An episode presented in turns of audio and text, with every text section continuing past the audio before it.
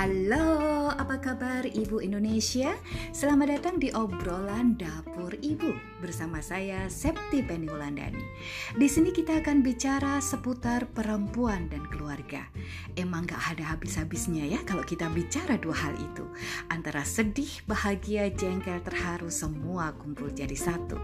Mengapa saya pilih dapur? Ya karena dapur adalah laboratoriumnya para ibu.